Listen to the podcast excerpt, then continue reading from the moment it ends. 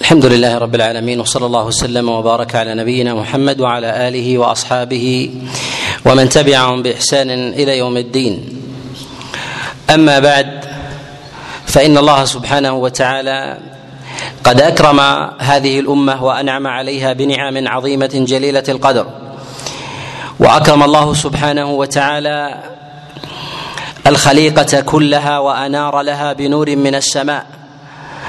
وجعل مشعله بيد رسول الله صلى الله عليه وسلم ينير لمن أراد الهداية ووضوح السبيل ينير له طريقه. فجعل رسول الله صلى الله عليه وسلم بمشعله الذي بين يديه الأمة على محجة بيضاء ليلها كنهارها لا يزيغ عنها إلا هالك. وذلك أن الله جل وعلا بين الحجة بلسان رسول الله صلى الله عليه وسلم وأوضح المحجة فكانت هداية للمهتدي وكانت أيضا غواية لمن أراد لمن أراد الغواية. كانت أمة العرب قبل مبعث محمد صلى الله عليه وسلم في جاهلية جهلاء. يقتل بعضهم بعضا ويؤذي بعضهم بعضا تستضعفهم الدول ممن حولهم فيستبيحونهم ويسومونهم سوء العذاب وينظرون إليهم كأمة متخلفة لا تستطيع لا تستطيع حيلة ولا تهتدي سبيلا.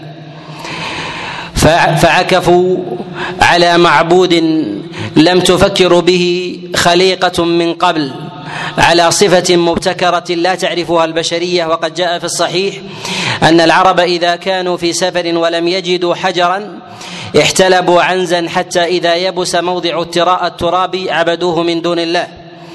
فكان رسول الله صلى الله عليه وسلم هاديا للبشرية فاكا لقيدها أطلق عقولها لتتأمل وتستنير. حبس عن كثير من أهل الأهواء أهواءهم وحبس عن كثير من الضلال ضلالهم فحفظ الأموال. وأطلق القلوب والعقول أن تتعلق بغير الله عز وجل وأمر بالتوجه إلى الله جل وعلا وحده. وأمر عليه الصلاة والسلام أن تبقى أركان الإنسان وأجساده حرة لا تتوجه إلا لله. ولهذا يقول الله جل وعلا في كتابه العظيم وأن المساجد لله فلا تدعوا مع الله أحدا. جاء في تفسير هذا عن غير واحد من المفسرين أن المراد بذلك هي مواضع الأعضاء السبعة التي يسجد عليها الإنسان لا تنحني لا تنحني ولا توضع إلا لله سبحانه وتعالى. ومن وضعها لغير الله فقد كفر وأشرك وخرج من ملة الإسلام. كان فضل رسول الله صلى الله عليه وسلم على أمة الإسلام دينا ودنيا. وحتى من كان منضويا تحت لوائه بنفاق فإن رسول الله صلى الله عليه وسلم له فضل عليه. وكل من جاء في هذه الأمة ممن تبع أمة الإسلام سواء كان منافقا أو غير منافق فلرسول الله صلى الله عليه وسلم عليه فضل في دينه ودنياه. ولم تكن العرب تعرف دولة يهابها من حولها إلا بعد بزوغ شمس النبوة مع رسول الله صلى الله عليه وسلم. إن النبي عليه الصلاة والسلام وما فضله الله عز وجل له بجملة من الفضائل وما وهبه الله بجملة من المواهب مما آتاه من كتابه وغرس فيه الله جل وعلا من الحكمة والبيان وغرس وغسل قلبه عليه الصلاة والسلام بماء من عنده فوضع فيه الإيمان والحكمة ولم يكن هذا لأحد إلا لرسول الله صلى الله عليه وسلم. لهذا كان النبي أكمل الخلق هديا وأقومهم خلقا وأتمهم عليه الصلاة والسلام في ذلك على الإطلاق ولا خلاف عند المسلمين في هذا. ولهذا لما سئلت عائشة عليها رضوان الله عن خلق رسول الله صلى الله عليه وسلم قالت كان خلقه القرآن يسخط لسخطه ويرضى لرضاه. ورسول الله صلى الله عليه وسلم منته على هذه الأمة عظيمة وذلك أنه ما استلذ بشيء من هذه الدنيا كما يستلذ ملوك الأرض وأسيادها من أمرائها وكذلك وجهائها وأرباب المال فيها. فكان النبي صلى الله عليه وسلم يخضع لأمره يخضع لأمره عجم وعرب ومع ذلك كان النبي صلى الله عليه وسلم على حصير. ولم يدع النبي صلى الله عليه وسلم ناقة ولا جملا ولا بقرة ولا شاة بل مات رسول الله صلى الله عليه وسلم كما في الصحيح من حديث عائشة ودرعه مرهونة عند يهودي. ولهذا رسول الله صلى الله عليه وسلم لم يدع مالا كما جاء في حديث عبد الله بن أوفى في الصحيح. وفي هذا إشارة إلى أن النبي صلى الله عليه وسلم إنما جاء بالصلاح لإصلاح البشرية في نفسها وإقامة أمرها وبيان طريق الهداية التي يجب عليها أن تشكر للمحسن فضله إن كانت صاحبة دنيا وإن كانت صاحبة دين ودنيا فلرسول الله صلى الله عليه وسلم فضل. أجمع العلماء على أن النبي صلى أن النبي صلى الله عليه وسلم أفضل الخلق على الإطلاق. وأنه أفضل الأنبياء عليه الصلاة والسلام. كانت دعوة النبي صلى الله عليه وسلم لهذه الأمة طلبا لهدايتها وإخراجها من رق جاهلية ماضية وما بدل من الشرائع السابقة. فكان النبي صلى الله عليه وسلم فضلا لأمته وفضلا على غيرها على غيرها من غير أتباعه ممن لم يكن منقادا في أمة الإجابة سواء كان ممن بقي على ما بقي عليه من الانحراف من اليهود والنصارى أو كان ذلك ممن قتل وبقي على ما هو عليه ألا يستزيد في أبواب الضلال من الكفار والمشركين وغيرهم.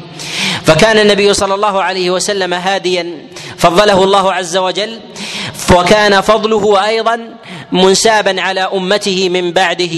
ولهذا يقول الله جل وعلا في كتابه العظيم كنتم خير أمة أخرجت للناس والخيرية لهذه الأمة لم تكن لها إلا بسبب خيرية نبيها. ولا خلاف عند العلماء في ذلك وقد جاء عن رسول الله صلى الله عليه وسلم وقد جاء عن رسول الله صلى الله عليه وسلم من حديث أبي هريرة أنه قال أنا أفضل الأنبياء وأمتي أفضل الأمم. والنبي صلى الله عليه وسلم في دعائه الذي خبأه الله جل وعلا له يوم القيامة جعله الله عز وجل لأمته أن يكون شافعا شافعا لها. وكان النبي صلى الله عليه وسلم في دلالته لمعالم فضله على غيره من الأنبياء. والبحث في ذلك عند العلماء لا يبحثون في مقام النبي عليه الصلاة والسلام بالنسبة للبشر وإنما ينصون في ذلك على مقامه بالنسبة للأنبياء. ولهذا رسول الله صلى الله عليه وسلم فضله الله عز وجل على فضله الله عز وجل على سائر الأنبياء أجمعين.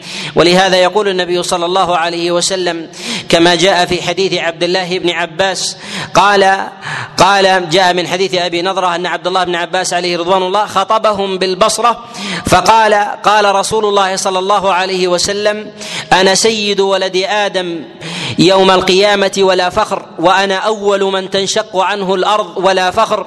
بيدي لواء الحمد ولا فخر. آدم ومن تحته تحت لوائي يوم القيامة ولا فخر.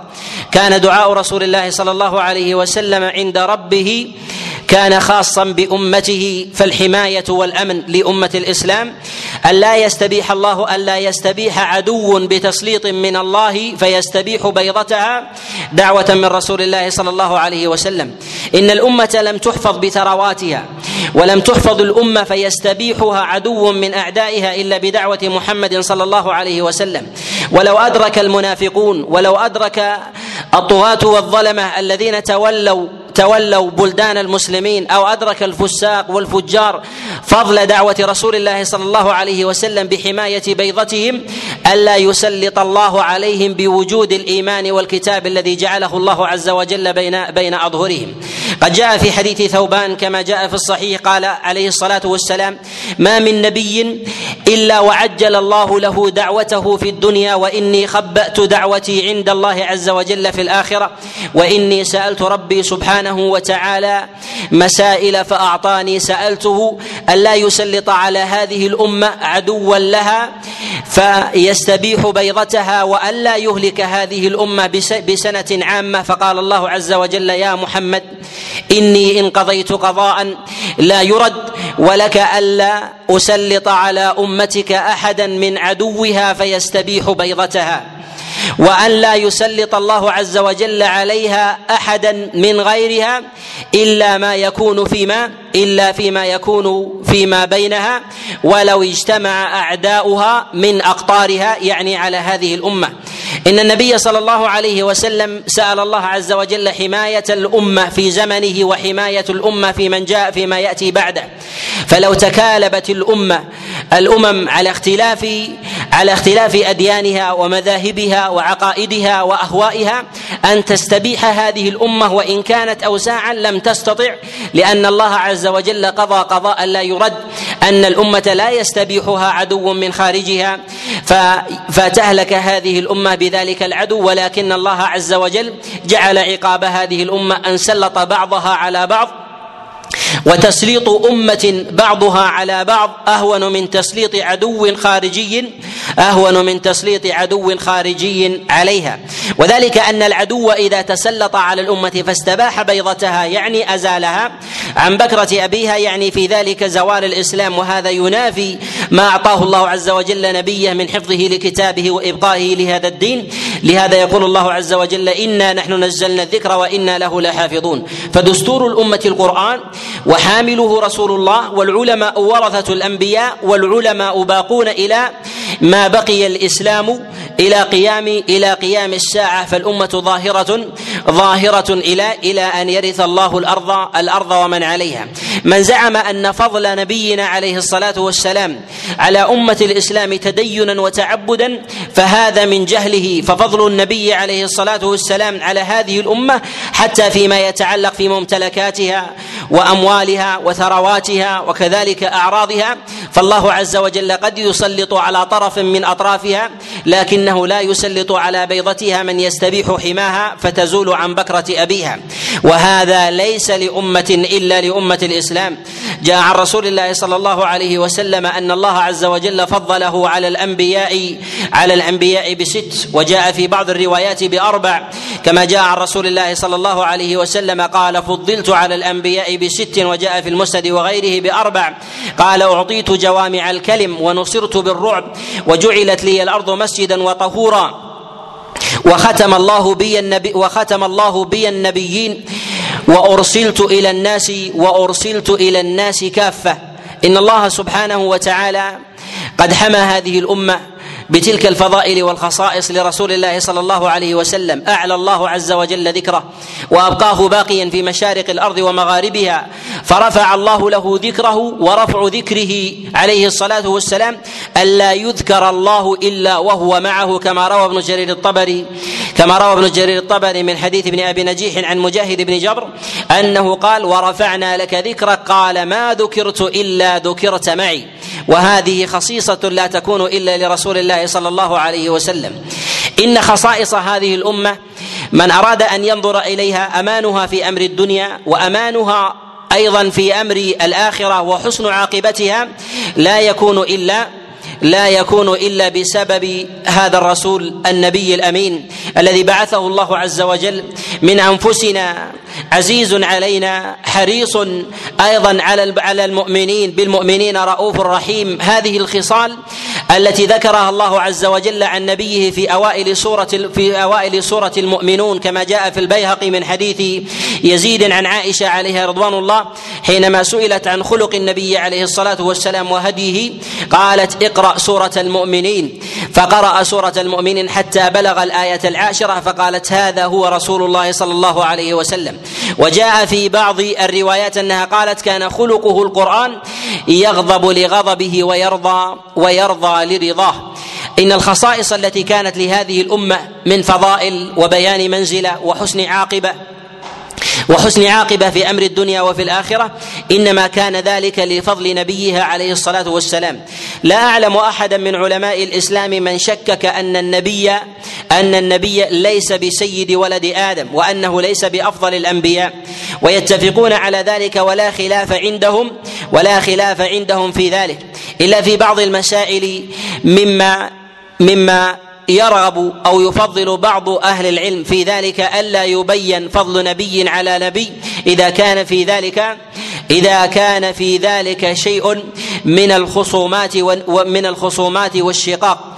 وقال غير واحد من العلماء إن سبب ذلك وتواضع رسول الله صلى الله عليه وسلم المقترن باللحمة باللحمة بين المسلمين وبين بعض بعض المعاهدين. كذلك تواضعا لمقام الأنبياء من آبائه عليه الصلاة والسلام كإبراهيم ومن جاء بعده وكذلك من سبقه عليهم عليهم الصلاة والسلام. إن الله سبحانه وتعالى فضل هذه الأمة بجملة من الفضائل. من ذلك ما جعله الله عز وجل لهذه الأمة من فتوحات ممتدة. وهذا لا يكون لأمة من الأمم ولا لفكر عقلاني ولا أي شرعة سابقة لأن لأن الشرائع السابقة جعلها الله لأمة من الأمم خاصة. ولهذا يقول النبي صلى الله عليه وسلم إن الله عز وجل بعثني إلى الناس كافة. ولهذا يقول الله عز وجل وما أرسلناك إلا كافة للناس بشيرا ونذيرا.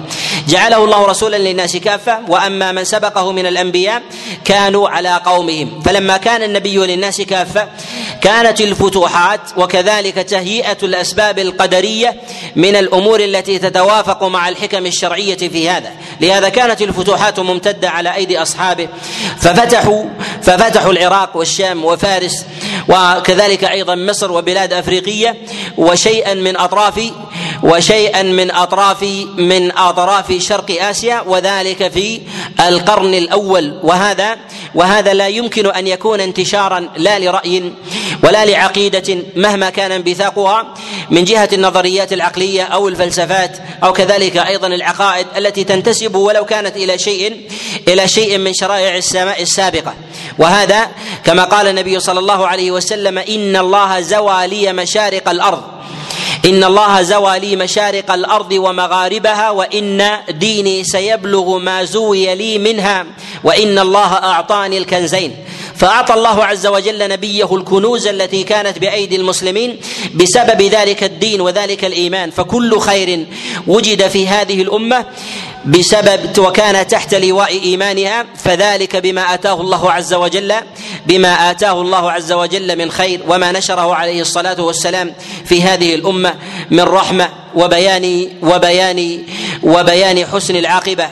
وكذلك من فضائل هذه الأمة التي كانت بسبب دعوة محمد صلى الله عليه وسلم أن الأمة أجرها مضاعف يختلف عن غيرها. فعمل الأمة من جهة الثواب عند الله في العبادة التي تتشابه مع غيرهم من الأنبياء أعظم ممن؟ ممن كان سابقا سابقا له سابقا لهم من اليهود والنصارى. قد جاء في الصحيح من حديث نافع عن عبد الله بن عمر عليه رضوان الله أن رسول الله صلى الله عليه وسلم قال إن إن مثلكم ومثل الذين قبلكم يعني اليهود والنصارى كمثل رجل استأجر أجراء فقال من يعمل لي من غدوة إلى صلاة الظهر على قراط. فعملت اليهود ثم قال من يعمل لي من صلاة الظهر إلى صلاة العصر على قراط.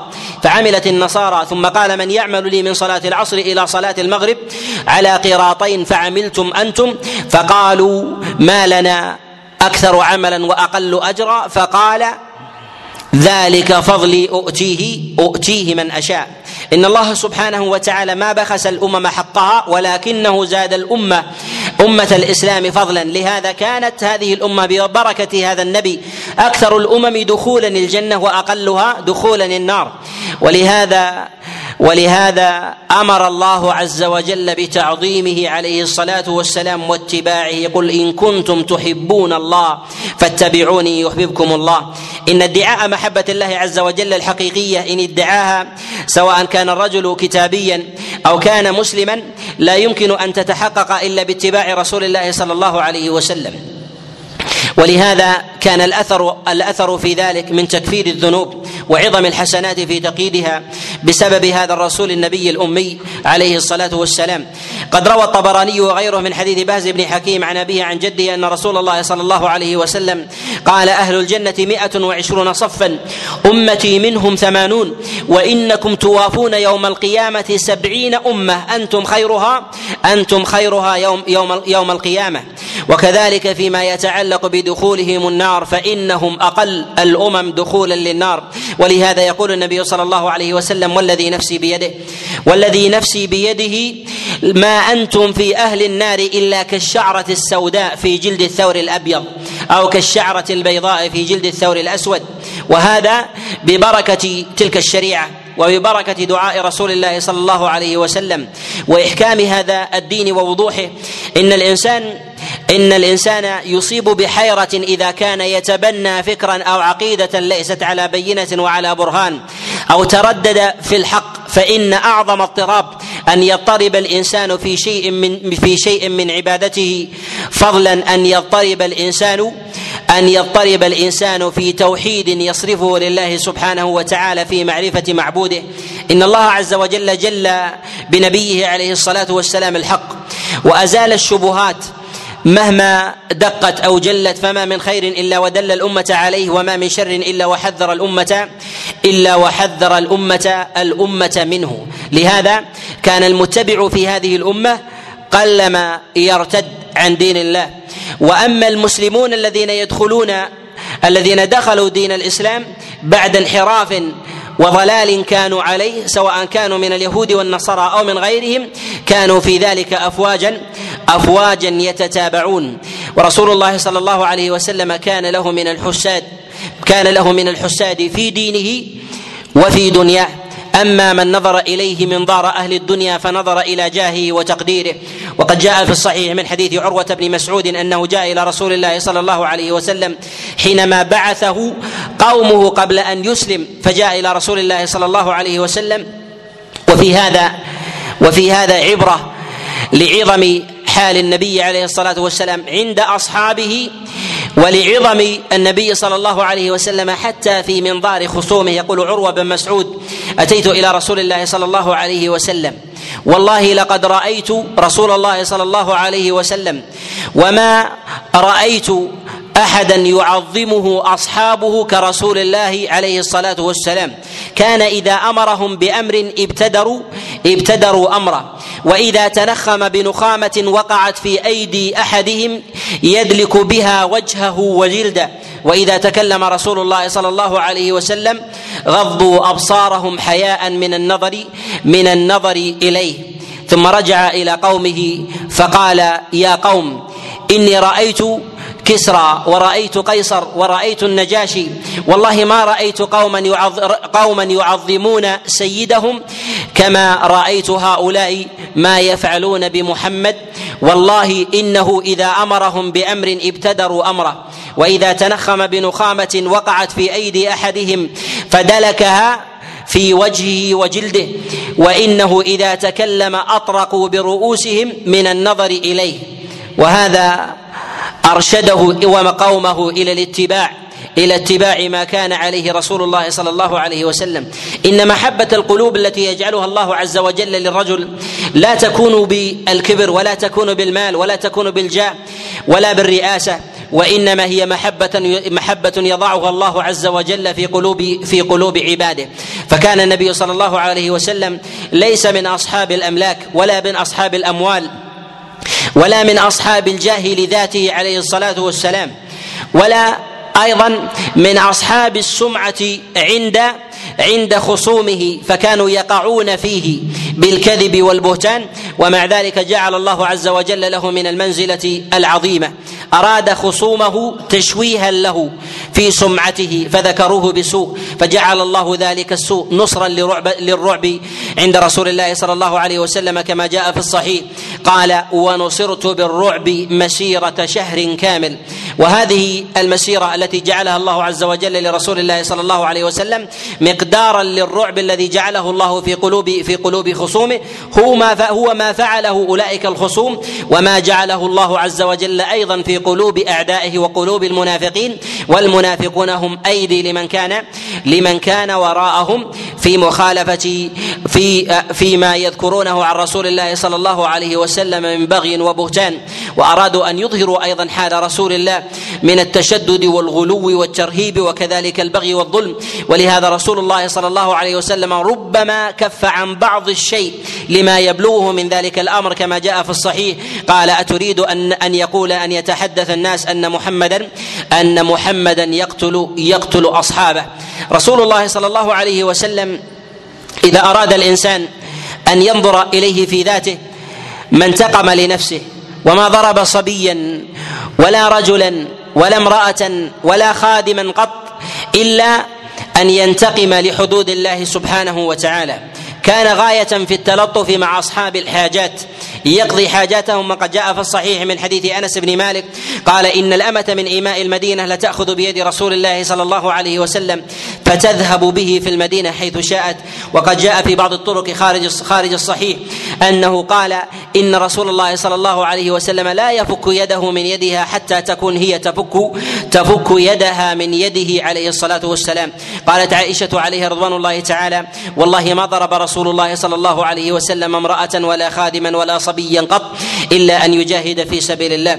النبي صلى الله عليه وسلم تجرد من الدنيا تجرد من الدنيا فلم يشارك الناس في أموالهم لم يشارك الناس في أموالهم ولا في ثرواتهم ولا في جاههم وما شاركهم عليه الصلاة والسلام أيضا في أنسابهم. أخذ النبي صلى الله عليه وسلم من العرب على اختلاف أطيافهم عليه الصلاة والسلام. وما نظر النبي عليه الصلاة والسلام إلى جاه أحد فاعتبره في دين الله. وما نظر رسول الله صلى الله عليه وسلم إلى حسب أحد فاعتبره في دين الله. ساومه كفار قريش على ذلك الدين فقال لو جعلوا الشمس في يميني والقمر في شمالي ما تركت ما أنا ما أنا عليه. عرضت عليه الدنيا فتركها كلها لينير البشرية. عرضوا عليه الجاه وعرضوا عليه خير النسب وقد جاء أنهم عرضوا عليه بواسطة عمه بواسطة عمه أبي طالب أنهم قالوا له إن شاء أعطيناه من مالنا ما يسد حاجته وزوجناه من نسائنا ما يشاء على أن يدع ما هو عليه وأن يبقى على ديننا. فقال مقولته والله لو جعلوا الشمس على بيميني والقمر في شمالي ما تركت ما أنا عليه. حتى أرادوه من ذلك أن يتنزل شيئا. فيعبد الأصنام ستة أشهر ويعبد ربه ستة أشهر كشيء من التوسط فيما يزعمون في ذلك. فأنزل الله عز وجل عليه قل يا أيها الكافرون لا أعبد ما تعبدون. إشارة إلى المفارقة والمفاصلة. إما نور بين وإما ظلام بين. هو الذي خلقكم فمنكم كافر ومنكم مؤمن. جعل الله عز وجل الناس في البشرية أصل تقسيمها أن يكون على أن يكونون على طائفتين. طائفة من أهل الإيمان وطائفة من أهل الكفر. وما عدا ذلك فإنها تقسيمات يجري يجري فيها الناس. بعضها شرعي وبعضها وبعضها ليس بشرعي. جعل الله عز وجل منزلته خير المنازل وجعل الله عز وجل أمته تبعا لتلك المنزلة خير خير المنازل. فما كانت الأمة لتنال تلك الخيرية كما في الحديث أنا أفضل الأنبياء وأمتي أفضل الأمم. وفي قول الله عز وجل كنتم خير أمة أخرجت للناس بسبب هذا النبي الذي قادها. فكانت هذه الخيرية تتبع حتى الفاسق الموحد الذي يؤمن برسول الله صلى الله عليه وسلم اعتزازا بدينه واعتزاء وتكميلا أيضا لما بقي من دنياه. ولو كانت الأمة أمة العرب خاصة على ما هي عليه ولم يكن ثمة رسول رسول الله صلى الله عليه وسلم لبقيت على ما هي عليه. فاستبيحت هذه الأمة لا فيما يتعلق في أمر دنياها وأما في أمر دينها في أمر دينها فإنها منشغلة بخلق معبود من دون الله تنحته وتصنعه وتصنعه بيدها ثم تخضع له من دون الله. تحمل رسول الله صلى الله عليه وسلم من الأذية والبلاء. والفتنة عليه الصلاة والسلام في ماله ونفسه ما تحمل و... ما تحمل وأطاقه وصبره الله عز وجل على ذلك. طرد النبي عليه الصلاة والسلام من مكة وذهب إلى الطائف وطرد من الطائف وتحمل من ذلك بلاء. حوصر النبي عليه الصلاة والسلام في شعب مكة ثلاث سنين كما رواه ابن إسحاق في كتابه السيرة. وأودي النبي عليه الصلاة والسلام وطلقت بناته حينما كانتا تحت أبي لهب. وطلقت بناته عليه رضوان الله تعالى خوفا من معرة ذلك الرجل الذي يسمونه صابئا.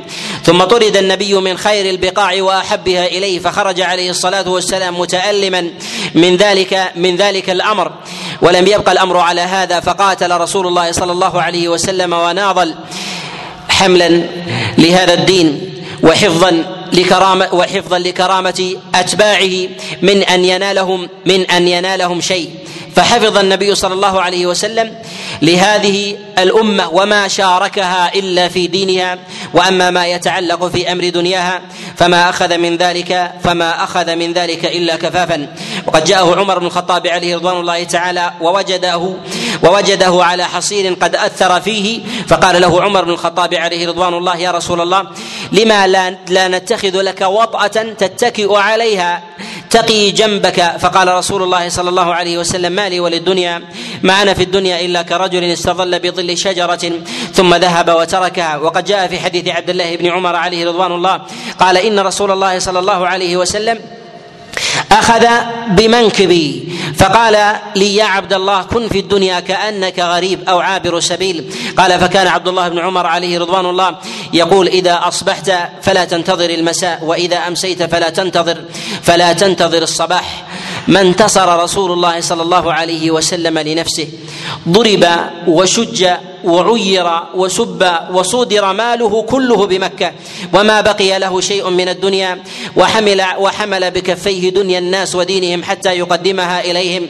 وهذا وهذا فيه فيه إشارة إلى أن كرامة البشر وفطرتهم إذا أرادوا أن يدينوا للفطرة التي توجد في قلوبهم ما من أحد انضوى تحت لواء الإسلام.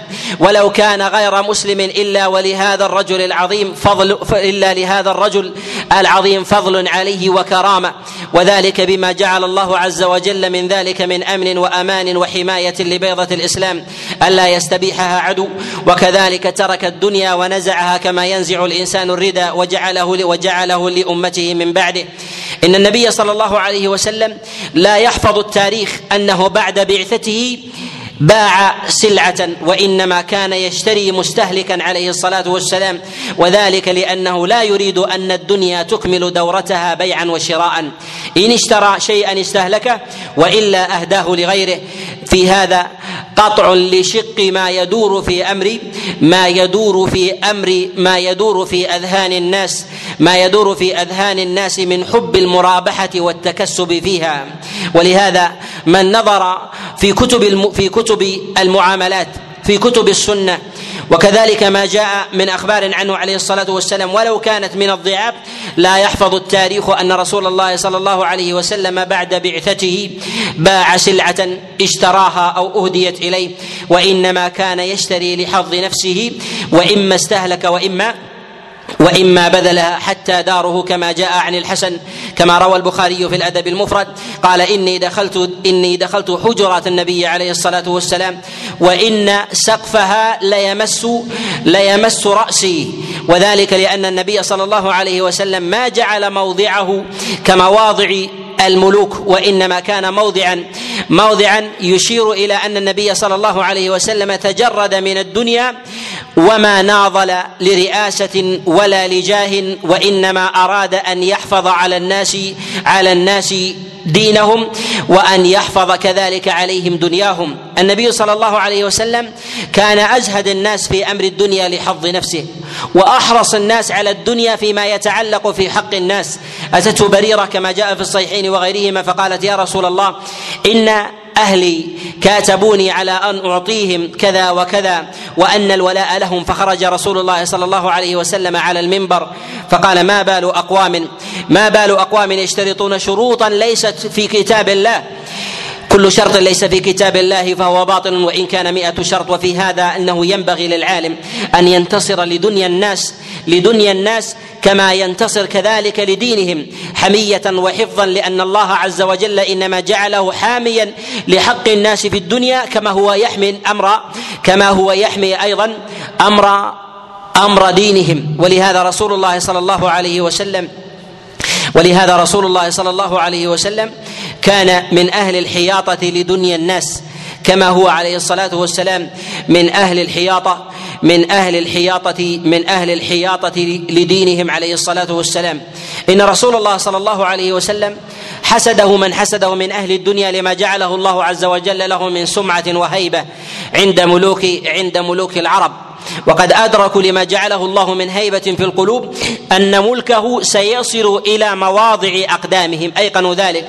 وفي هذا إشارة إلى أن القوة الحقيقية التي أرشد إليها النبي عليه الصلاة والسلام هي قوة الإيمان وعزائم القلوب. ولهذا يقول النبي عليه الصلاة والسلام المؤمن القوي خير وأحب إلى الله من المؤمن الضعيف والمراد بالضعف والقوة هنا هي قوة الإيمان. قوة الإيمان وقوة القلب والجنان والضعف المراد بذلك هو ضعف القلب وضعف وضعف العزيمة. ولهذا ما انتصرت الأمة إلا بتمسكها بذلك اللواء وذلك المشعل الذي كان مع رسول الله صلى الله عليه وسلم فحمله من بعد من خلفاء من خلفاء الإسلام. فأدركوا أن الحضارة التي يتعلق بها الماديون اليوم ويظنون أن الهيبة لهم في الأمم وأن القدرة وأن قدرة الحظوه وقيم وأن قيمتها أيضا هي بالنسبة للتفوق المادي هذا من القصور. وقد روى الحاكم في المستدرك من حديث أبي عبيدة عامر بن الجراح ان أنه لما فتحت وان أنه لما فتح بيت المقدس وجاء إلى أمير المؤمنين عمر بن الخطاب عليه رضوان الله في المدينة فأركبه وكانوا على دابة واحدة وتلك وكانوا يستطيعون أن يركبوا دابتين. فقال لك مرة ولي ولي مرة. فلما كانوا في بعض الطريق نزل عمر بن الخطاب وكانت تلك الركبة هي لأبي عبيدة. نزل عمر بن الخطاب قال أبو عبيدة قال فلما مر بغدير نزل عمر بن الخطاب فأخذ نعليه بيمينه ثم أخذ يخوض الماء بقدميه. فقال أبو عبيدة لعمر بن الخطاب يا أمير يا أمير المؤمنين كيف لو رآك الناس وأنت تفعل هذا؟ فقال عمر بن الخطاب لو غيرك فقال هذا يا أبا عبيدة نحن قوم أعزنا الله بالإسلام فإن ابتغينا العزة بغيره أذلنا الله. إن مقياس المعاقدة بين الله عز وجل وبين أمة الإسلام هو بالتمسك بهذا بهذا الدين لأن الله اشترى من المؤمنين أموالهم وأنفسهم بأن لهم الجنة. وهذه الصفقة هي بالتمسك بدين الله وليس المراد بذلك هي عمارة الدنيا المجردة. ولهذا مهما بلغت حضارة الأمة في جانب الدنيا إذا فرطت في جانب الدين فهي مستعبدة وعصرنا زمن شاهد. أمة الإسلام هي أقوى الأمم في جانب الاقتصاد وهي من أذل الأمم في الأرض.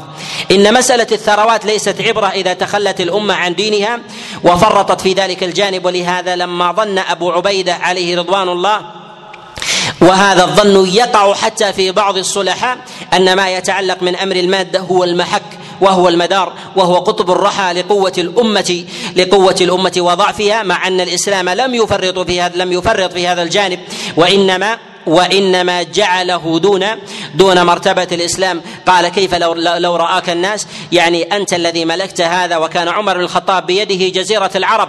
واليمن وبيده العراق وبيده الشام وبيده مصر وبيده فارس. يملك ما يسمى في زماننا بالشرق الأوسط وزيادة. قال يخوض بقدميه ذلك الغدير. قال كيف لو رآك الناس يا أمير المؤمنين وأنت تفعل هذا؟ أشار إلى أن القيادة الحقيقية هي قيادة الإيمان وينبغي ألا نبتعد عن ذلك. ولهذا مع أن المؤرخون يقرون أن من بنى حضارة النظم في الإسلام هو عمر بن الخطاب الذي وضع الدواوين. ووضع الدواوين والدساتير وضبط جوانب القضاء هو عمر بن الخطاب مما لم يكن حتى من كان بعده. عليه رضوان الله تعالى من خلفاء الإسلام في القرن في القرن الأول. هو يقول هذه العبارة أي أننا ينبغي أن نجعل كل من كان ما كان من دون ذلك كل ما كان غير الإسلام إنما هو دون دون هذا. إن الأمة إذا أرادت القوة فلتتمسك بخيرية النبي عليه الصلاة والسلام. وإلا فهي أمة خائفة. إن من فضائل النبي عليه الصلاة والسلام وبركة عظمته على هذه الأمة ذلك الأمان الذي تستقر وتعيش به الأمم يضعف تارة ويقوى أخرى. جاء في الصحيح من حديث أبي موسى أن رسول الله صلى الله عليه وسلم قال أنا أمنة لأص... أنا أمنة لأصحابي فإذا ذهبت أتى أصحابي ما يوعدون وأصحابي أمنة لأمتي فإذا ذهب أصحابي أتى أمتي أتى أمتي ما يوعدون. إن الأمان المراد بذلك هو الخلاف والشقاق والفرقة والنزاع. الذي كلما ابتعدت الأمة عن نبيها عليه الصلاة والسلام ضعفت في هذا ضعفت في هذا في هذا الجانب. إن من أعظم الحساد لرسول الله صلى الله عليه وسلم الذي حسدوه لما وهبه الله لما وهبه الله عز وجل من فضائل وخصائص وعلى رأس أولئك اليهود. ومن ومن اقتدى اقتدى بهم. لهذا يقول الله عز وجل في كتابه العظيم أم يحسدون الناس على ما أتاهم الله من فضله؟ الناس المحسودون في هذه الآية هم النبي عليه الصلاة والسلام سماه الله بالناس. والحاسدون هم اليهود. كما جاء ذلك كما جاء ذلك عند غير واحد من المفسرين فيما رواه ابن جرير الطبري وكذلك ابن أبي حاتم. من حديث ابن أبي نجيح عن مجاهد بن جبر أنه قال الناس هو رسول الله صلى الله عليه وسلم والحسد والحسد اليهود. حسدوا رسول الله صلى الله عليه وسلم على ما أتاه الله من فضله. قال غير واحد من المفسرين في هذه الآية دليل على أن رسول الله هو أفضل من سائر الأنبياء. لهذا حسدوا النبي على ما أتاه الله من فضله من تلك من تلك الخصائص. وإن كانت وإن كانت النصوص السابقة فيها كفاية في تفضيل رسول الله صلى الله عليه وسلم في تفضيل رسول الله صلى الله عليه وسلم على غيره. إن حق النبي عليه الصلاة والسلام على هذه الأمة متنوع أول هذه الحقوق في حقوق هذه الأمة هو الاتباع. وهو دليل المحبة وعلامتها وأمارتها الظاهرة البينة. لهذا يقول الله عز وجل في كتابه العظيم قل إن كنتم تحبون الله فاتبعوني يعني اتبعوا محمد يحببكم الله. فجعل الله رابط المحبة لرسول الله صلى الله عليه وسلم هو اتباع لله عز وجل هو اتباع محمد صلى الله عليه وسلم والانقياد لما جاء والانقياد لما جاء لما جاء به. ومن مظاهر الاتباع الخضوع لقوله عليه الصلاة والسلام وعدم رفع الصوت عنده أو عند حديثه. يقول الله جل وعلا في كتابه العظيم يا أيها الذين آمنوا لا ترفعوا أصواتكم فوق صوت النبي ولا تجهروا له بالقول كجهر بعضكم لبعض أن تحبط أعمالكم وأنتم لا تشعرون. وهذا بمجرد رفع صوت وقد نزلت هذه الآية كما ذكر غير واحد من المفسرين في بعض أجلة الصحابة كعمر وأبي بكر عليهم رضوان الله تعالى حينما تناقشا في مسألة عند رسول الله صلى الله عليه وسلم فنزلت هذه الآية فأنزل الله عز وجل وفيها وفيها إشارة إلى إلى تهديد بالجرأة على مقام رسول الله صلى الله عليه وسلم ولهذا كان الصحابة عليهم رضوان الله تعالى بعد ذلك لا يكلمون النبي عليه الصلاة والسلام إلا سرا. وقد جاء في المصنف وغيره أن أبا بكر عليه رضوان الله لما نزلت هذه الآية لا يكلم رسول الله صلى الله عليه وسلم إلا سرا يخفض يخفض صوته لأنه لا يريد أن يعلو صوته صوت رسول الله صلى الله عليه وسلم. ولهذا الذين نادوا رسول الله صلى الله عليه وسلم من وراء الحجرات وصفهم الله عز وجل بأنهم لا يعقلون أي لا يعرفون قدر ومقام رسول الله صلى الله عليه وسلم ومنزلته ومنزلته في الناس. كان النبي صلى الله عليه وسلم أرحم الخلق حتى مع خصومه وأعدائه وحتى مع الجهلة الذين ربما اعتدوا عليه. ولهذا يقول أنس بن مالك عليه رضوان الله تعالى عليه رضوان الله تعالى والله ما شممت طيبا أطيب من رائحة رسول الله صلى الله عليه وسلم. ولا مسست يدا هي ألين من يد رسول الله صلى الله عليه وسلم. وإن الرجل من الأعراب لياتي إلى رسول الله ويجذبه ويؤثر ذلك في عنقه عليه الصلاة والسلام. وما يعد رسول الله صلى الله عليه وسلم أن يبتسم ويقضي ويقضي حاجته. وكانوا يشدون بجهل بجهل بمنزلة رسول الله ومقامه على رسول الله. قولا حتى إن منهم من يقول أعطني من مال الله الذي أعطاك. من أعطني من مال الله الذي أعطاك فإنك لا تعطيني من مالك ولا من مال أبيك. ثم يقول النبي صلى الله عليه وسلم ما تقول؟ أعد. فيقول له أعطني من مال الله الذي أعطاك فإنك لا تعطيني من مالك ولا من مال أبيك. ثم يرفع النبي صلى الله عليه وسلم رأسه فيقول فيقول صدق. ليس من مالي ولا من مال أبي أعطوه. وفي هذا عبرة لكل حاكم وسلطان ولي شيئا من أموال المسلمين أن أموال المسلمين ليست ملكا لأحد لا لآبائهم ولا لذواتهم وإنما هي ملك ملك للمسلمين. يعطي الله عز وجل ويهب عباده ما يشاء. وكذلك أن عامة الناس ربما يشدون على عالم أو مصلح أو سلطان في بعض حقوقهم فيجب عليه أن ينصفهم فيما يعطيهم من أمر من أمر حقهم. وأنهم إن غضبوا حتى لأمر دنياهم ما يجدون من لأواء الدنيا عليه أن يصبر عليهم وأن يقضي وأن يقضي حاجتهم. ولهذا رسول الله صلى الله عليه وسلم كان يفرق بين الجاهل وبين المعاند. الجاهل الذي يظهر منه ولو ظهر منه شيء من شيء من الجهالات الظاهرة في دين الله كان أرأف الناس به عليه الصلاة والسلام. جاء في الصحيح من حديث أبي هريرة وكذلك من حديث أنس بن مالك أن اعرابيا جاء إلى رسول الله صلى الله عليه وسلم وبال في طائفة المسجد فزجره الصحابة وأكثروا عليه فقال النبي عليه الصلاة والسلام لا تزرموه لا تزرموه ثم لما قضى مسك به رسول الله صلى الله عليه وسلم فقال له يا رسول فقال له إن هذه المساجد إنما بنيت لذكر الله وللصلاة ولم تبنى لم تبن لهذا. فقال ذلك الأعرابي اللهم ارحمني ومحمدا ولا ترحم معنا معنا أحدا. غاية اللطف. ولهذا قال النبي عليه الصلاة والسلام له لقد تحجرت لقد تحجرت واسعا. ولو جاء رجل جاهل وهذا ما يتعلق في أمر البول في أعظم وأطهر بقعة وهي المساجد وأعظم وأشرف المواضع بعد بعد المسجد الحرام مسجد رسول الله صلى الله عليه وسلم. لأن معه في ذلك الخطاب وذلك لأنه إنما جاء طالبا للحق. لهذا ينبغي للمعظم أن يلين أن يلين مع الناس مهما كانت عظمته. أن يلين مع الناس إن طلبوا حقا. إن كانوا يجهلون المقام أو يجهلون بركة المواضع فالأعراب جاءوا ولا يفرقون بين الدواوين العامة وبين البراري والفجاج والطرقات وبين الأماكن المعظمة فلا يعلمون شيئا يسمى مساجد. لهذا لأن رسول الله صلى الله عليه وسلم فبين له فبين له ذلك ذلك الأمر. كان النبي صلى الله عليه وسلم لا يحابي احدا حتى من قرابته عليه الصلاة والسلام. أقام العدل في الأمة حتى في الأقربين. حينما وضع الربا أول ربا وضعه ربا عمه العباس. وحينما وضع دماء الجاهلية أول دماء وضعه دم الأقربين وهو دم ابن ربيعه بن الحارث بن عم رسول الله صلى الله عليه وسلم. وحينما أراد النبي عليه الصلاة والسلام أن يرهب الناس في إقامة الحقوق الحقوق الحدود والحقوق وأنهم على السواء قال عليه الصلاة والسلام والذي نفسي بيده لو أن فاطمة بنت محمد سرقت لقطعت يدها إنما أهلك من كان قبلكم إذا سرق فيهم الشريف تركوه وإذا سرق فيهم الضعيف أقاموا عليه الحد والذي نفسي بيده لو أن فاطمة بنت محمد سرقت لقطعت لقطعت يدها. إشارة إلى أن حكم الله عز وجل يمضي على القريب والبعيد.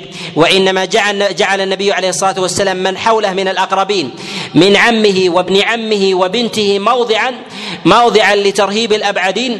أني إن أقمت ذلك على الأقربين فإن فإن الأبعدين أقرب للاتباع للاتباع والامتثال. ولهذا النبي صلى الله عليه وسلم يقول يا فاطمة سليني من مالي ما شئت لا أغني عنك من الله من الله شيئا. وأمر الله فيما يتعلق بحدوده مما كتبه الله على على الناس عند المخالفة وكذلك أمر الله عز وجل أمر الله عز وجل فيما يتعلق بامر في أمر الآخرة. ولهذا نقول إن من أعظم حقوق النبي صلى الله عليه وسلم تعظيمه وتوقيره. إذا كانت شعائر الحج جعل الله عز وجل تعظيمها من تقوى القلوب فكيف بمن جاء بتلك الشعائر وتلك الشريعة كلها توحيدا وفروعا للعبادات؟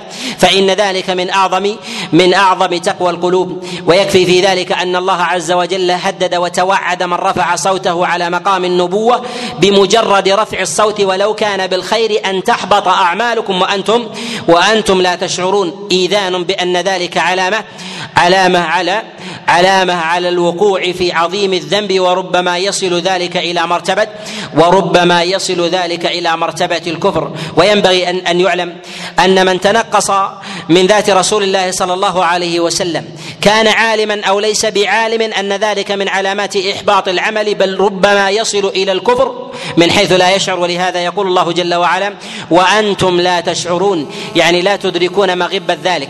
ولهذا نقول إن من طعن في رسول الله صلى الله عليه وسلم ولو لمزا يسيرا وتنقصه بأي نوع من أنواع التنقص فإن ذلك فإن ذلك كفر باتفاق علماء المسلمين. إن حرمة النبي عليه الصلاة والسلام أعظم من حرمه أعظم من حرمة البشر. وأعظم من حرمة الكائنات الجمادات ولو كانت معظمة. وتعظيم رسول الله صلى الله عليه وسلم وتشريفه أعظم من تشريف البيت الحرام والكعبة. فمن مس جناب رسول الله صلى الله عليه وسلم ولو بشيء يسير بلمز أو همز أو تعدى على عرضه عليه الصلاة والسلام بأي نوع من أنواع التعدي فقد استوجب القتل مع القطع بكفره باتفاق علماء المسلمين. كما يأتي بيانه بإذن الله. وإن من أعظم من أعظم ما يجب على المؤمن أن الله عز وجل إذا قضى امرا إذا قضى امرا على لسان رسول الله صلى الله عليه وسلم أنه يجب على الأمة أن تتبع نبيها وألا يكون لها رأي في مقام في مقام رسول الله صلى الله عليه وسلم. ولهذا نهى الله عز وجل أهل الإيمان أن يقدموا بين يدي الله ورسوله. يقول مجاهد بن جبر عليه رضوان الله الا تفتئتوا في حكم في حكم حتى يقوله رسول الله صلى الله عليه وسلم. ولهذا أمر الله عز وجل أهل الإيمان استجيبوا لله وللرسول. إذا دعاكم لما يحييكم. قد جاء من حديث العلا عن أبيه عن أبي هريرة أن رسول الله صلى الله عليه وسلم نادى أبي بن كعب عليه رضوان الله وهو يصلي فلم يأتي إليه. فقال له لما لم تأتي؟ فقال يا رسول الله كنت أصلي. فأنزل الله عز وجل الآية السابقة استجيبوا لله وللرسول إذا دعاكم لما يحييكم. لما يحييكم للحق. وقيل للقرآن وقيل للإسلام فإن الله عز وجل جاء بالحياة الحقيقية التي تنعم بها البشرية وهي توحيد الله سبحانه وتعالى ودينه على سبيل العموم. ودستور هذه الأمة هو كتاب الله عز وجل وهو ظاهر في قول الله جل وعلا قل بفضل الله وبرحمته فبذلك فليفرحوا وخير مما يجمعون وفضل الله عز وجل وفضل الله عز وجل الإسلام ورحمته القرآن فكان فكانت تلك رحمة من الله عز وجل. وحياة لهذه وحياة لهذه لهذه الأمة. لهذا إن توقير النبي صلى الله عليه وسلم وعدم رفع الصوت عند حديثه ولو بعد موته من علامات الإيمان وهي من تقوى من تقوى القلوب أي علامة على وجود التقوى. ومن ومن تنقص قول النبي صلى الله عليه وسلم أو استهزأ به مع علمه بأنه من أقواله عليه الصلاة والسلام فقد كفر وخرج من ملة الإسلام ولا خلاف عند العلماء عند العلماء في ذلك. ولهذا قد حكم الله عز وجل حكم الله عز وجل بكفر من نطق من نطق بالكفر والكفر هو الاستهزاء برسول الله صلى الله عليه وسلم. يقول الله جل وعلا يحلفون بالله ما قالوا. ولقد قالوا كلمة الكفر كلمة الكفر هنا هي الاستهزاء برسول الله. روى ابن جرير الطبري وابن أبي حاتم من حديث من حديث هشام بن عروة عن أبيه أن قول الله عز وجل كلمة الكفر قال نزلت هذه الآية في رجل قال إن كان ما جاء من المسلمين يعني ممن ينضوي تحت لوائهم في ظاهر الأمر قال إن كان ما جاء به رسول الله صلى الله عليه وسلم هو الحق إننا لأضل من لأضل من الحمر. فناداه رسول الله صلى الله عليه وسلم فقال له أئنت أأنت قلت كذا وكذا؟ فحلف بالله أنه ما قال كذا وكذا فأنزل الله عز وجل عليه عليه تلك الآية يحلفون بالله ما قالوا. وفي هذا إشارة إلى أن إلى أن من وقع من المنافقين في رسول الله صلى الله عليه وسلم أو من وقع في شيء من الاستهزاء أنهم أسرع الناس رجوعا ونكوصا لأنهم إنما يطلبون دنيا ويريدون ويريدون شهوة. والحفاظ على الشهوة أنهم إن ظهرت عقوبة أو ظهرت قوة رجعوا إلى ما كانوا رجعوا إلى إلى ما اضاروه من قبل وإنما يسرون ذلك ذلك في أحوالهم. وأما من وقع في رسول الله صلى الله عليه وسلم بشيء من اللمز والهمز والاستهزاء والاستهزاء على أي مرتبة من مراتب الاستهزاء فيتفق العلماء أن ذلك كفر وأن وأن فاعله فاعله يقتل. بل إنه أشد من ذلك أن من وقع في في امرأة نبي أن من وقع في عرض امرأة نبي فقد كفر بالله ولو كانت امراه امرأته كافرة كما كما في امرأة نوح ولوط. وذلك أن من طعن في امرأة نبي ولو كانت كافرة فإنه يلزم في عرضها فإنه يلزم في ذلك أن إقرار النبي لخروج امرأته عن حصانتها عن حصانة فرجها أن ذلك نوع من الدياثة. فإن الله عز وجل يقدر لبعض أنبيائه كما تقدم لبعض أزواج أنبيائه الكفر ولكنه لا يقدر لهم الفاحشة. ولهذا من طعن في عرض امرأة نبي من الأنبياء فإنه كافر ولو كانت كافرة بذاتها فكيف الوقوع في عرض في عرض امرأة نبي امرأة نبي وهذه المرأة تكون من امهات من أمهات المؤمنين. أجمع العلماء عليهم رحمة الله وقد حكى الإجماع على ذلك غير واحد أن من وقع في رسول الله صلى الله عليه وسلم أو عرض به لمزا واستهزاء أو تنقص بأي عبارة أو إشارة بيده تفيد التنقص أن ذلك كفر خارج من الملة. حكى الإجماع على ذلك جماعة كإسحاق بن راهوي وابن عبد البر وابن المنذر وقبلهم كذلك أيضا الشافعي عليه رحمة الله وحكاه كذلك النووي وغيرهم من أئمة الإسلام. وأجمع العلماء على أن من استهزأ برسول الله صلى الله عليه وسلم أيضا فإن حده حده القتل وإنما اختلفوا في باب الاستتابة. هل يستتاب أم يقتل من غير من غير استتابة؟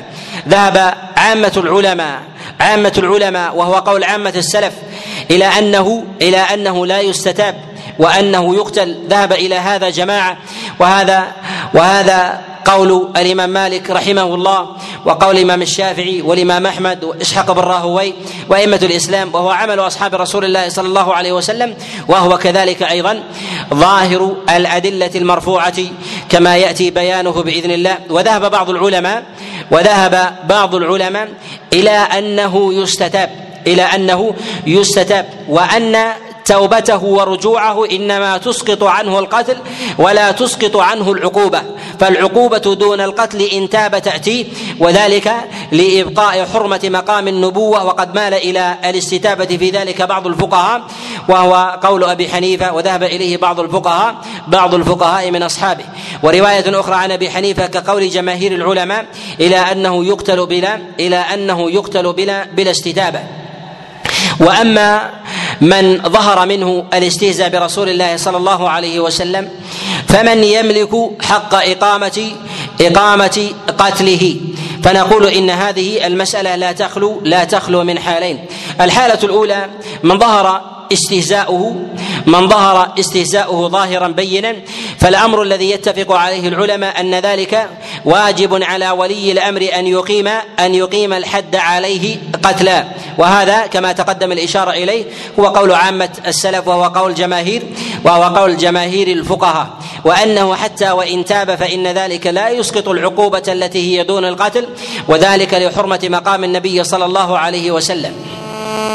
واما وأما من يظهر من وأما الحالة الثانية إذا بادر أحد من المسلمين بقتل أحد استهزأ برسول الله صلى الله عليه وسلم من تلقاء نفسه وخالف ولي الأمر فنقول إنه جمع أمرين. الأمر الأول أنه قام بقتل أحد يستحق القتل وأما بالنسبة لمخالفته لولي الأمر فإن في ذلك فإن في ذلك ذنب لمخالفته لمخالفته وافتئاته على ولي الأمر إلا أنه لا يجوز لولي الأمر أن يريق دمه لأنه أراق دم أراق دم من استهزأ برسول الله صلى الله عليه وسلم.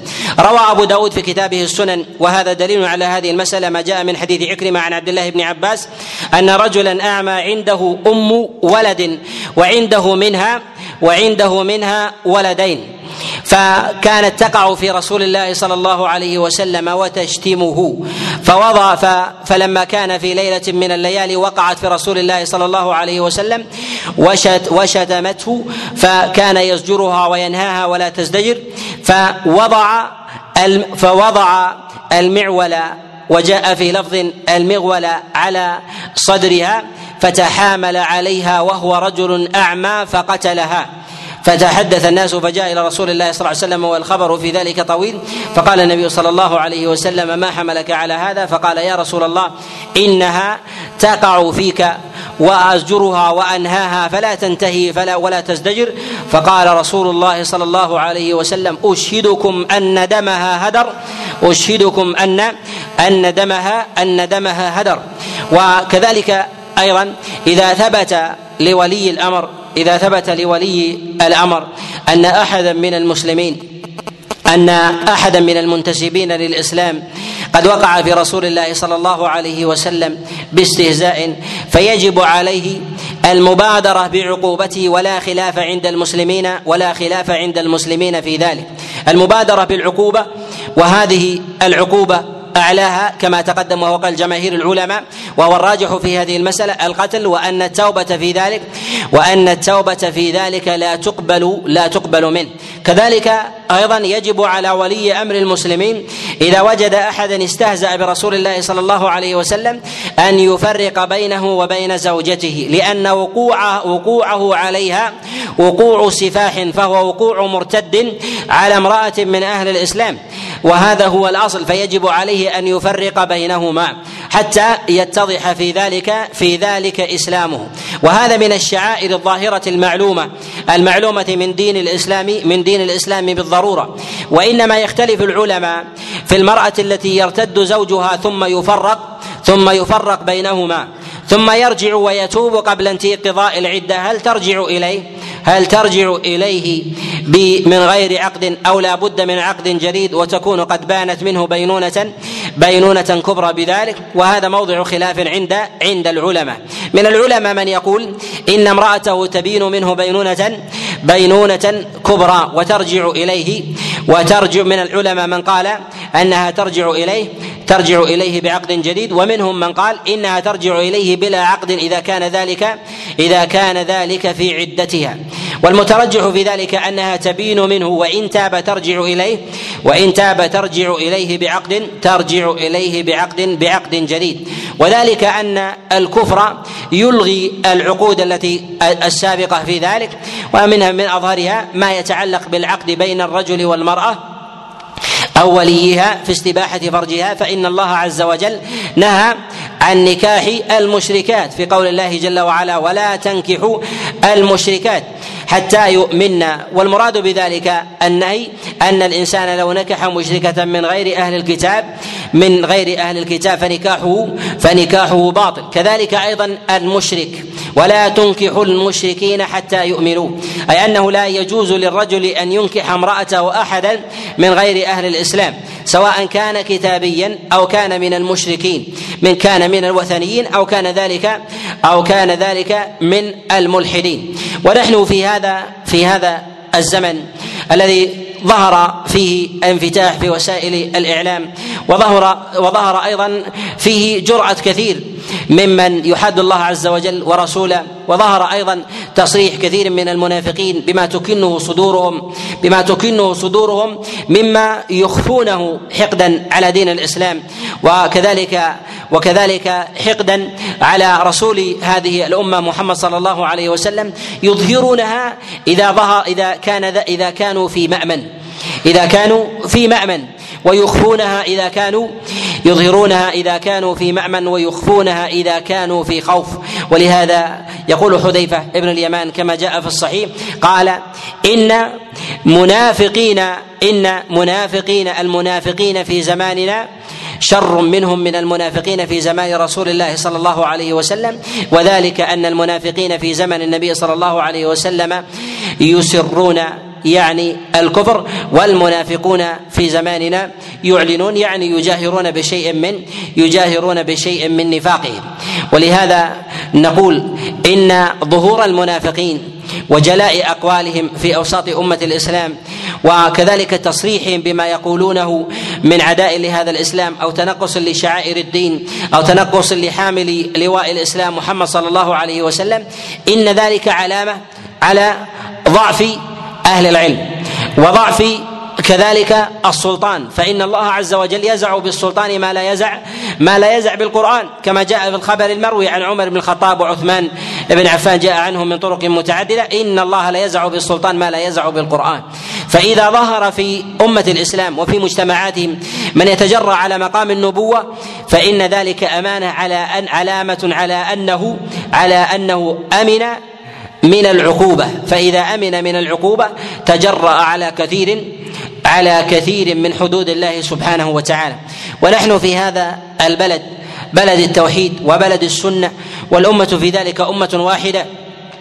ومن عجب أن يظهر في هذه الأمة من من الكتاب ويظهر في هذه الأمة من المنافقين. من يتكلم صراحة بكلام لا يستطيع أن يتكلم به ما يستطيع أن يتكلم به الكفار ممن ينضوي تحت لواء الإسلام هيبة هيبة له. ولهذا كان المعاهدين لا لا يكون لهم عهد إلا بحفظ مقام النبوة ومقام ومقام الإسلام من الوقيعة فيها من استهزاء وغيره.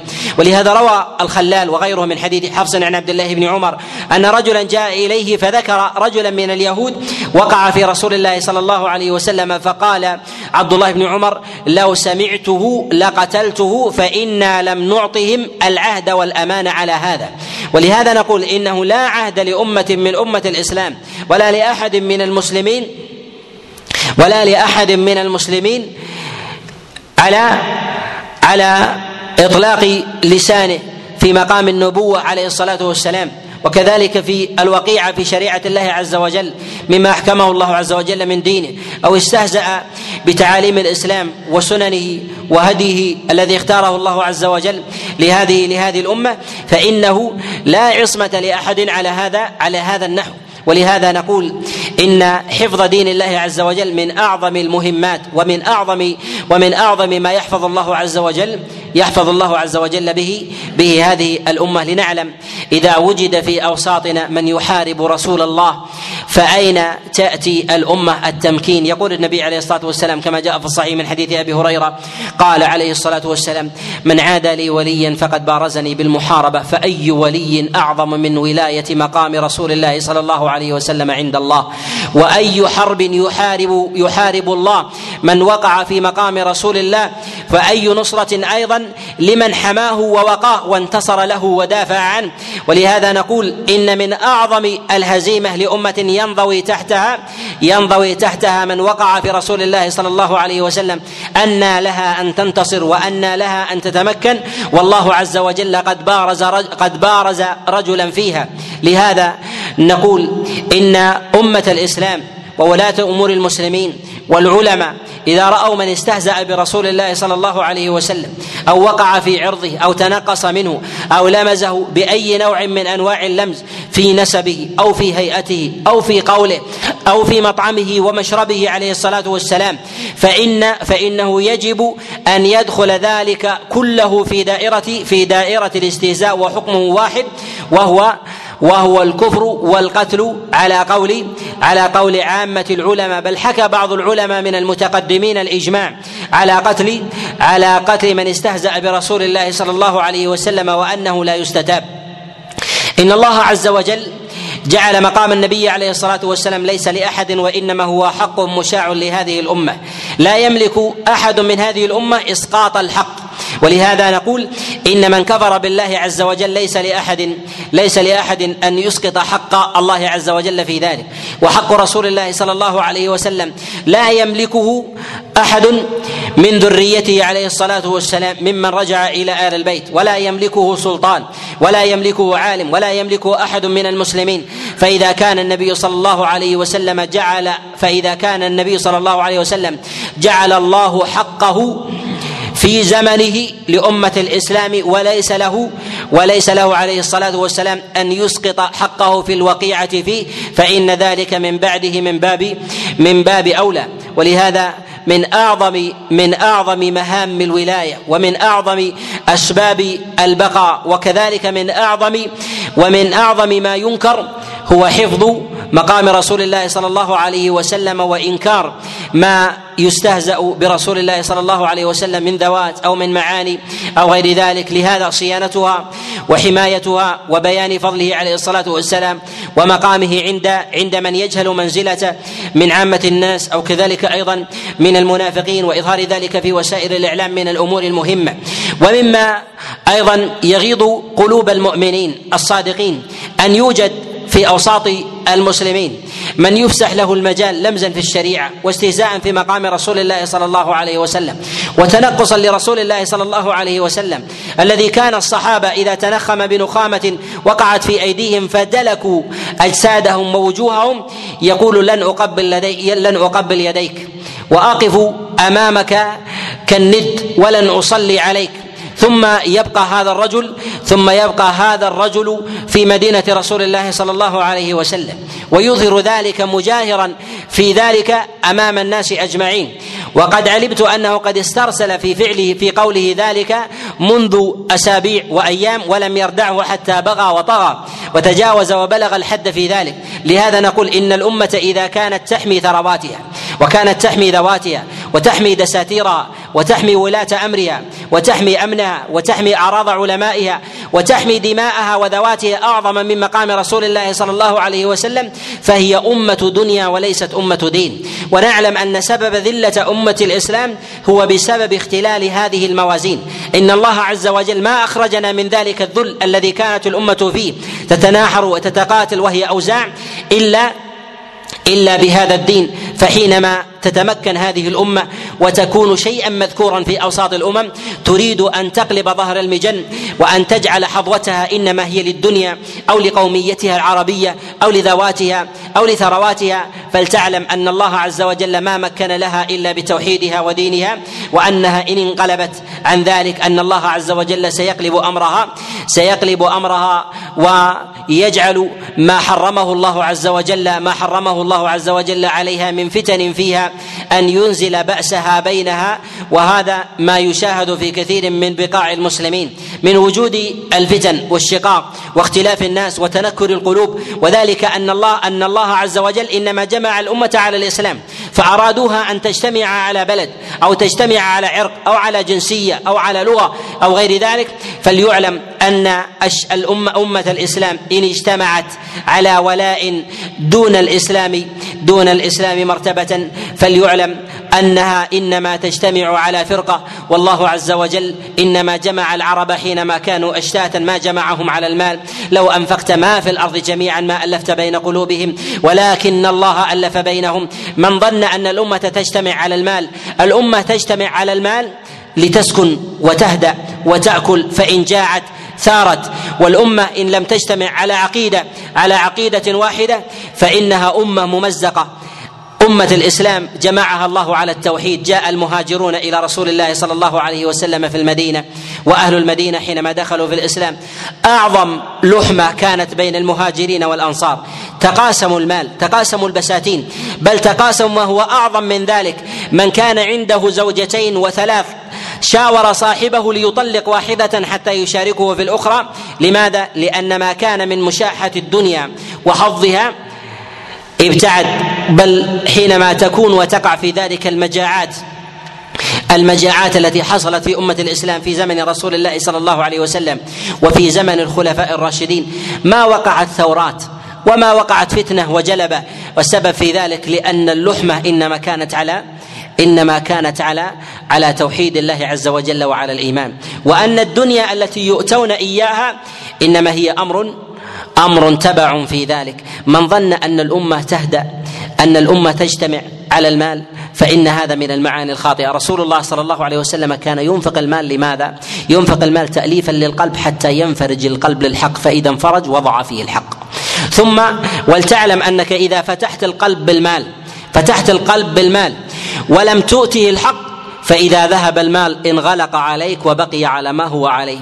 ولهذا الذين يبذلون الثروات الذين يبذلون الثروات للناس ليعلموا أن تلك الثروات والله لا تؤلف قلوبا لا تؤلف قلوبا ولا توحد الناس تحت لواء وأن هذا المال إذا ذهب ونظر الناس إلى أيديهم لم يجدوا مالا يأتلفون عليه ولم يجدوا دينا يأتلفون عليه.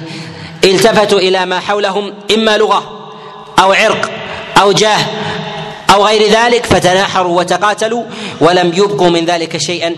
انظروا إلى البيئات التي ضعف فيها دين الإسلام حينما جاعوا وافتقروا قتل بعضهم بعضا. ولهذا نقول إن الأمة إذا إذا مكن الله عز وجل لها في الأرض في دين الله سبحانه وتعالى واختل هذا الميزان ولم تقم بأمر الله عز وجل كما أمرها الله سبحانه وتعالى فليعلم أن الله عز وجل يعطيها بمقدار تفريطها ويخل أمنها بمقدار نقصانها في عدل الله عز وجل وتوحيده سبحانه وتعالى.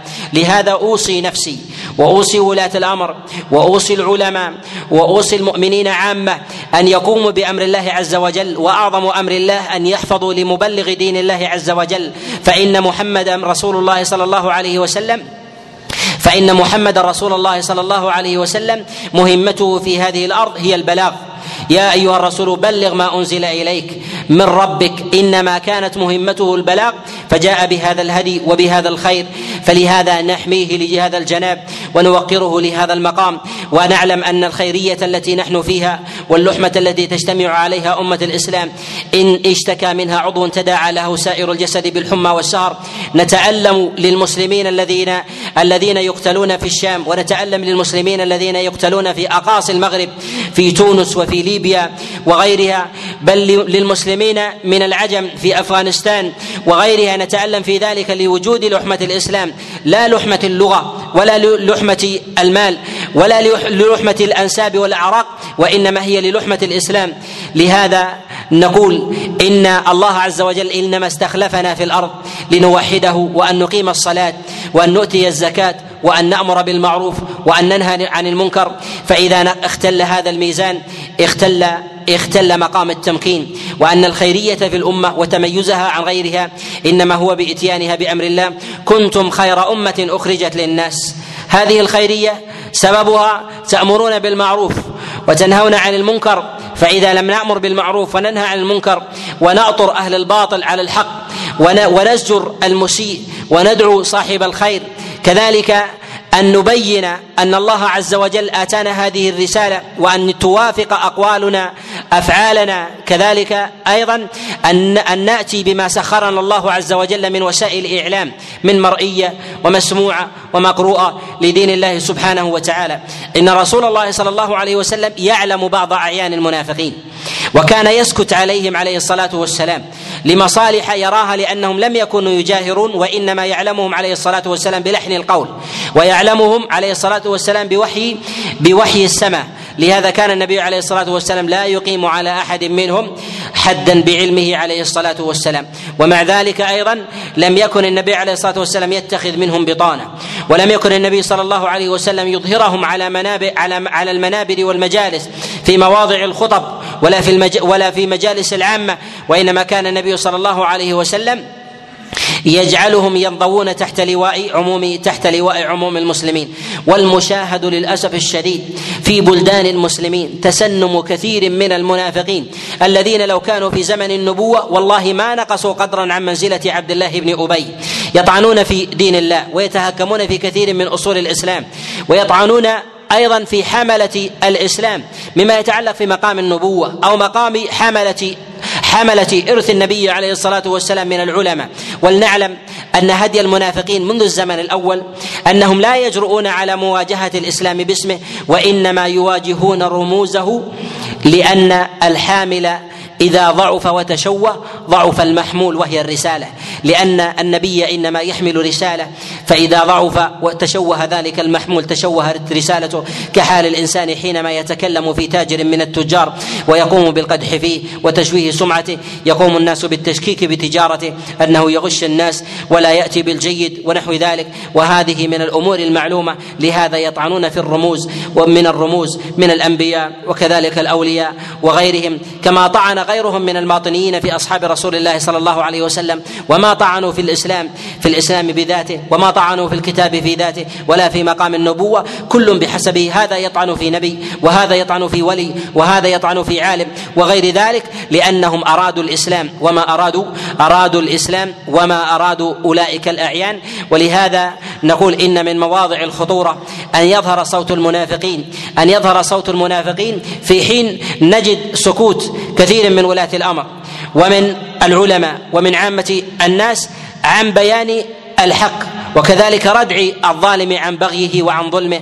وأن نعلم أيضا أن من اتخذ من نفسه دفاعا عن المنافقين دفاعا عن المنافقين ولو كان بحسن قصد أن هذا أن هذا مما لا يرضي رسول الله صلى الله عليه وسلم وأن هذا أيضا من علامات وأن هذا من علامات النفاق. بل إن بعض أهل الخيرة والمنزلة العاليه من أصحاب النبي عليه الصلاة والسلام حينما دافع عمن قذف عائشة عليها رضوان الله تعالى وذلك لأنه لأنه أحسن الظن باحسن الظن به بذاته وأساء الأمر بقوله. فالتمس له لشيء من الحمية. فقال أسيد عليه رضوان الله تعالى قال إنك منافق تدافع عن المنافقين ومن عجب أن يرى الإنسان بعض أهل الخير يلتمس الأعذار لمن يقع في دين الله سبحانه وتعالى. بينما لا يلتمس الأعذار لأهل العلم إن وقعوا في زلة أو خالفوا في مسألة اجتهادية بلغ مشارق الأرض ومغاربها من التشنيع والتشويه وغير ذلك. وأما من يقع في جناب رسول الله صلى الله عليه وسلم يلتمس تلتمس له الأعذار ويلتمس له الأعذار ويرأف معه لا شك أن هذا من أمارات النفاق. وكذلك ضعف الإيمان الشديد إن لم يكن نفاقا نفاقا أكبر. ولهذا ولهذا ينبغي على المؤمن أن يقوم بأمر الله في ذاته وينبغي على العلماء وكذلك ولاة الأمر عموما أن ينصفوا الله عز وجل من أنفسهم باقامه الحد على من استهزأ برسول الله صلى الله عليه وسلم وتهكم بدين الله. كذلك أن يضعوا حدا للمنافقين وكذلك المتجرئين بجهل أو بعلم من كتاب الصحافة على دين الله سبحانه وتعالى. بل أيضا ينبغي الا يتولى كثيرا من الولايات ومنها وزارة الإعلام والولايات التي التي تكون عليها أعراض المسلمين أو أو ما يتعلق بالتعليم. ألا يقع ذلك إلا على على الأمناء. ومن عجب أن الإنسان يلتقي ببعض ببعض المسؤولين الذين تسنموا بعض الولايات يجدهم أنهم من أجهل الناس فيما يتعلق بالاعراض وأجهل الناس بمسائل بمسائل الشريعة بمسائل الشريعة وأحكامها. ولهذا نقول إن الله عز وجل كما أنه طلب القوة وهي المعرفة والخبرة في الأمر طلب الأمانة فإن الإنسان إذا كان قويا ولم يكن أمينا كان خائنا لله ولرسوله. ولهذا نجد أهل الخبرة من حملة الشهادات من الشهادات الأكاديمية ونجد من أهل التخصصات والخبرة أيضا في العمل ولكنهم ليسوا بأهل أمانة إهدار للمال وكذلك إهدار وتضييع لحق الله عز وجل وعدم إقام إقامة إقامة شعائر الله عز وجل كما أراد. وهم أصحاب خبرة ولكن جعلوا هذه الخبرة فيما يهوون وما يريدون وضيعوا أوامر الله سبحانه وتعالى. ولهذا إن من أعظم مواضع القصور في من مواضع القصور في الأمة أن يتولى أن يتولى مصالحها ومسؤولياتها من كان صاحب خبرة ولكنه ليس بصاحب أمانة. ينبغي لمن لمن تولى ولاية ألا يتولاها وقد شهد له بأد إلا وقد شهد له بأداء الصلاة.